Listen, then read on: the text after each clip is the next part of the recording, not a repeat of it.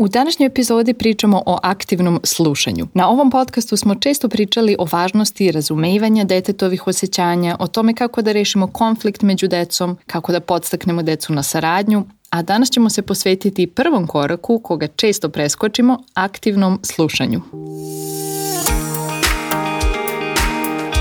Dobrodošli u Radosno roditeljstvo. Ja sam Ana, a ovo je podcast u kome pričamo o svim temama vezanim za roditeljstvo i koji vam nudi ideje i inspiraciju kako biste pronašli još više radosti u roditeljstvu i uživali u svojoj deci. Mišljenja koje iznosim u podcastu baziraju se na naučnim istraživanjima iz oblasti psihologije i dečijeg razvoja, a pre svega na primerima iz stvarnog života i mom ličnom iskustvu sa mojom decom. Hvala što ste tu.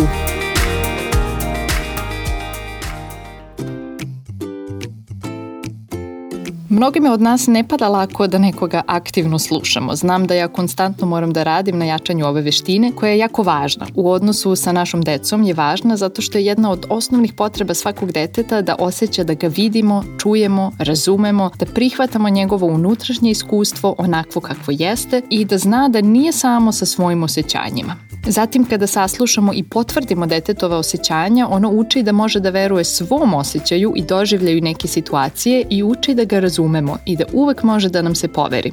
I na kraju, aktivno slušanje je važan prvi korak pri postavljanju granica, kada zamolimo dete da nešto uradi ili reagujemo na neko ponašanje. Ako dete ima osjećaj da nismo na njegovoj strani, da ga ne slušamo, ne razumemo, dete se neće osjećati povezano, neće sarađivati i cela situacija preti da eskalira. Kada dete oseti da smo na njegovoj strani, kada potvrdimo njegova osjećanja, dajemo mu osjećaj da ga vidimo, čujemo, razumemo, ne osuđujemo i prihvatamo i bit će brže spremno, možda ne odmah, da zajedno sa nama nađe rešenje za neki problem. Mada često nije ni potrebno naći neko specijalno rešenje, nego samo pokazati razumevanje. Pre nego što budemo pričali kako da aktivno slušamo, pogledajmo koje greške najčešće pravimo. Ovo naravno može da se odnosi na sve razgovore, ne samo one sa našom decom. Često se desi da dok nam neko nešto priča, dete ili partner ili prijateljica, mi već razmišljamo kako želimo da odgovorimo. Možda smo se setili nekog sličnog iskustva i imamo potrebu da prekinemo drugu osobu i to ispričamo. Ili želimo da ponudimo rešenje. Ili da ubedimo drugu osobu da nije u pravu, da i dokažemo zašto to što priča nije tačno ili nema smisla. I onda se desi da stvarno prekinemo sagovornika i razgovor krene u tom pravcu. Recimo da naše dete kaže nije fair da moj brat dobije nove cipele, a ja ne. Ti meni nikad ne kupuješ ništa. U tom trenutku se često desi da dok dete još priča razmišljamo o tome kako to nije tačno i zatim kažemo to uopšte nije tačno, pre par nedelja si ti dobila nove patike, kako možeš to uopšte da kažeš? Ako je naš cilj da budemo u pravu, onda je ovo dobra strategija. Ali u odnosu sa drugim ljudima, u odnosu sa našom decom, sa partnerom, moramo biti svesni da nas ovakva strategija neće zbližiti, nego će nas udaljiti i oštetiti naš odnos. U ovom slučaju naše dete će osjećati da ga ne razumemo, da se nepravedno obhodimo prema njemu, da nismo na njegovoj strani i ponašat će se u skladu sa tim, a to verovatno nije dinamika kakvu želimo u našoj porodici. Želimo da se svi članovi porodice osjećaju viđeno i saslušano. Kako možemo bolje da reagujemo? U toku nekog konflikta ili kada nam dete nešto priča ili izražava svoje osjećanja, probajmo da budemo radoznali i da slušamo sa namerom da zaista razumemo dete, da razumemo kako izgleda njegov unutrašnji svet, da se povežemo i osetimo njegova osjećanja. Želimo da dete oseti da ga čujemo, razumemo i da to što nam priča ili što osjeća ima smisla, jer iz njegove perspektive to ima smisla. To ne znači da je dete stvarno u pravu ili da se slažemo ili da ćemo ispuniti neki zahtev ili odustati od neke granice. Ali čak i ako potpuno drugačije gledamo na stvari, probajmo da razumemo da je to perspektiva našeg deteta, da je drugačija od naše i da je istinita i validna za naše dete. Zatim, pored toga što smo radoznali, pažljivo slušamo, želimo da čujemo šta dete ima da kaže, možemo prilagoditi naš izraz lica detetovom, odnosno reflektovati ili odraziti detetovo osjećanja kao ugledalo i svojim rečima ponoviti to što smo upravo čuli od deteta.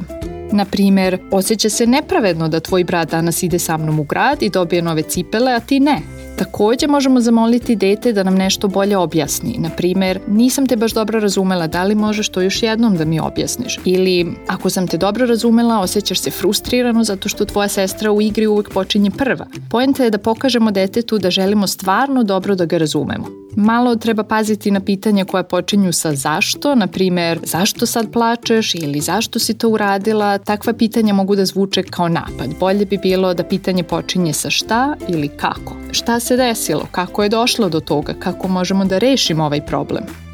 Zamislite samo kako bi bilo da je neko tako razgovarao sa nama dok smo mi bili deca ili da sada tako razgovara sa nama, da se trudi da nas razume, da kaže čekaj malo, želim tačno da razumem šta te uznemirilo. Jesam dobro razumela da te to i to uznemirilo. Osjećaš se tako i tako. Ovako ti vidiš taj problem.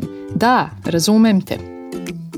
Sada kada smo čuli i razumeli detetova osjećanja, možemo da ih potvrdimo, da pokažemo da smo ih razumeli i da ta osjećanja imaju smisla. Da, ima smisla da si razočarana jer te drugarica nije pozvala na rođendan. Da, ima smisla da si ljubomoran jer provodim puno vremena sa tvojom sestrom. Da, ima smisla da si ljut jer sam zaboravila da ti donesem uđenu, a obećala sam. I opet ovo ne znači da se slažemo, ne znači da ćemo dozvoliti da se dete ponaša neprikladno, ne znači da opravdavamo i dozvoljavamo neko agresivno ili destruktivno ponašanje. Ono što potvrđujemo i prihvatamo su detetova osjećanja, a ne nužno i ponašanje. Često se desi da probamo da razumemo dete i ponovimo kako se dete osjeća, na primer danas ti se ne ide u školu ili i ti bi volela da ti kupimo nove cipele ili žao mi je što i ti nisi pozvan na rođendan i onda dodamo sledeću rečenicu koja počinje sa ali. Danas ti se ne ide u školu, ali moraš i ti bi volela da ti kupimo cipele, ali tebi nisu potrebne.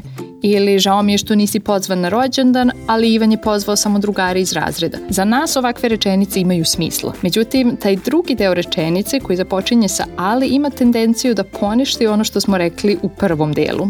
Ako smo u prvom delu formulisali detetovo viđenje stvari, u drugom delu smo to praktično poništili i ispada da nam nije jako stalo do detetovih osjećanja, tako da je to nešto što bi trebalo da izbegavamo. Radoznalost, reflektovanje osjećanja, pitanja da li smo dobro razumeli, potvrđivanje osjećanja, sve će to pomoći da kod deteta nastane osjećaj da ga ozbiljno shvatamo, da smo slušali, da smo čuli, da je imalo priliku da sa nama podeli svoj doživljaj neke situacije, svoje unutrašnje iskustvo i da smo ga razumeli. Možda možete da obratite pažnju sledeći put kada vam dete bude nešto pričalo ili je zbog nečega uznemireno. Koje misli i rečenice vam automatski dolaze i da li je moguće da ih stavite na stranu, da ne donosite zaključke, ne donosite rešenja, ne ubeđujete dete, ne objašnjavate zašto nije u pravu i umesto toga budete samo otvoreni, radoznali, pogledate dete u oči, pokažete interes za ono što dete ima da vam kaže, potvrdite njegova osjećanja i vidjet ćete da je to najčešće zaista sve što je potrebno. I na kraju samo mala napomena. Naravno, aktivno slušanje i potvrđivanje osjećanja nije nešto što ćemo moći da radimo svaki dan, ceo dan. Ponekad čujemo ovako neki savet i pomislimo da je to nešto što bi trebalo uvek da radimo ili da osoba koja to savetuje uvek i praktikuje. Naravno da to nije slučaj, ali možemo ka tome da težimo i da od nečega počnemo. Možemo za vreme večere svako dete aktivno da slušamo par minuta ili da primetimo kada nismo aktivno slušali i potvrdili detetova osjećanja i sledeći put to da uradimo. I što više to radimo, to će nam biti lakše i prirodnije i počeće da nam prelazi u naviku. Hvala što ste slušali Radosno roditeljstvo. Ako imate neko pitanje, predlog ili samo želite da mi se javite, pošaljite mi e-mail na adresu podcast.radosnoroditeljstvo.com ili popunite kontakt formular na web stranici radosnoroditeljstvo.com. Čujemo se za dve nedelje.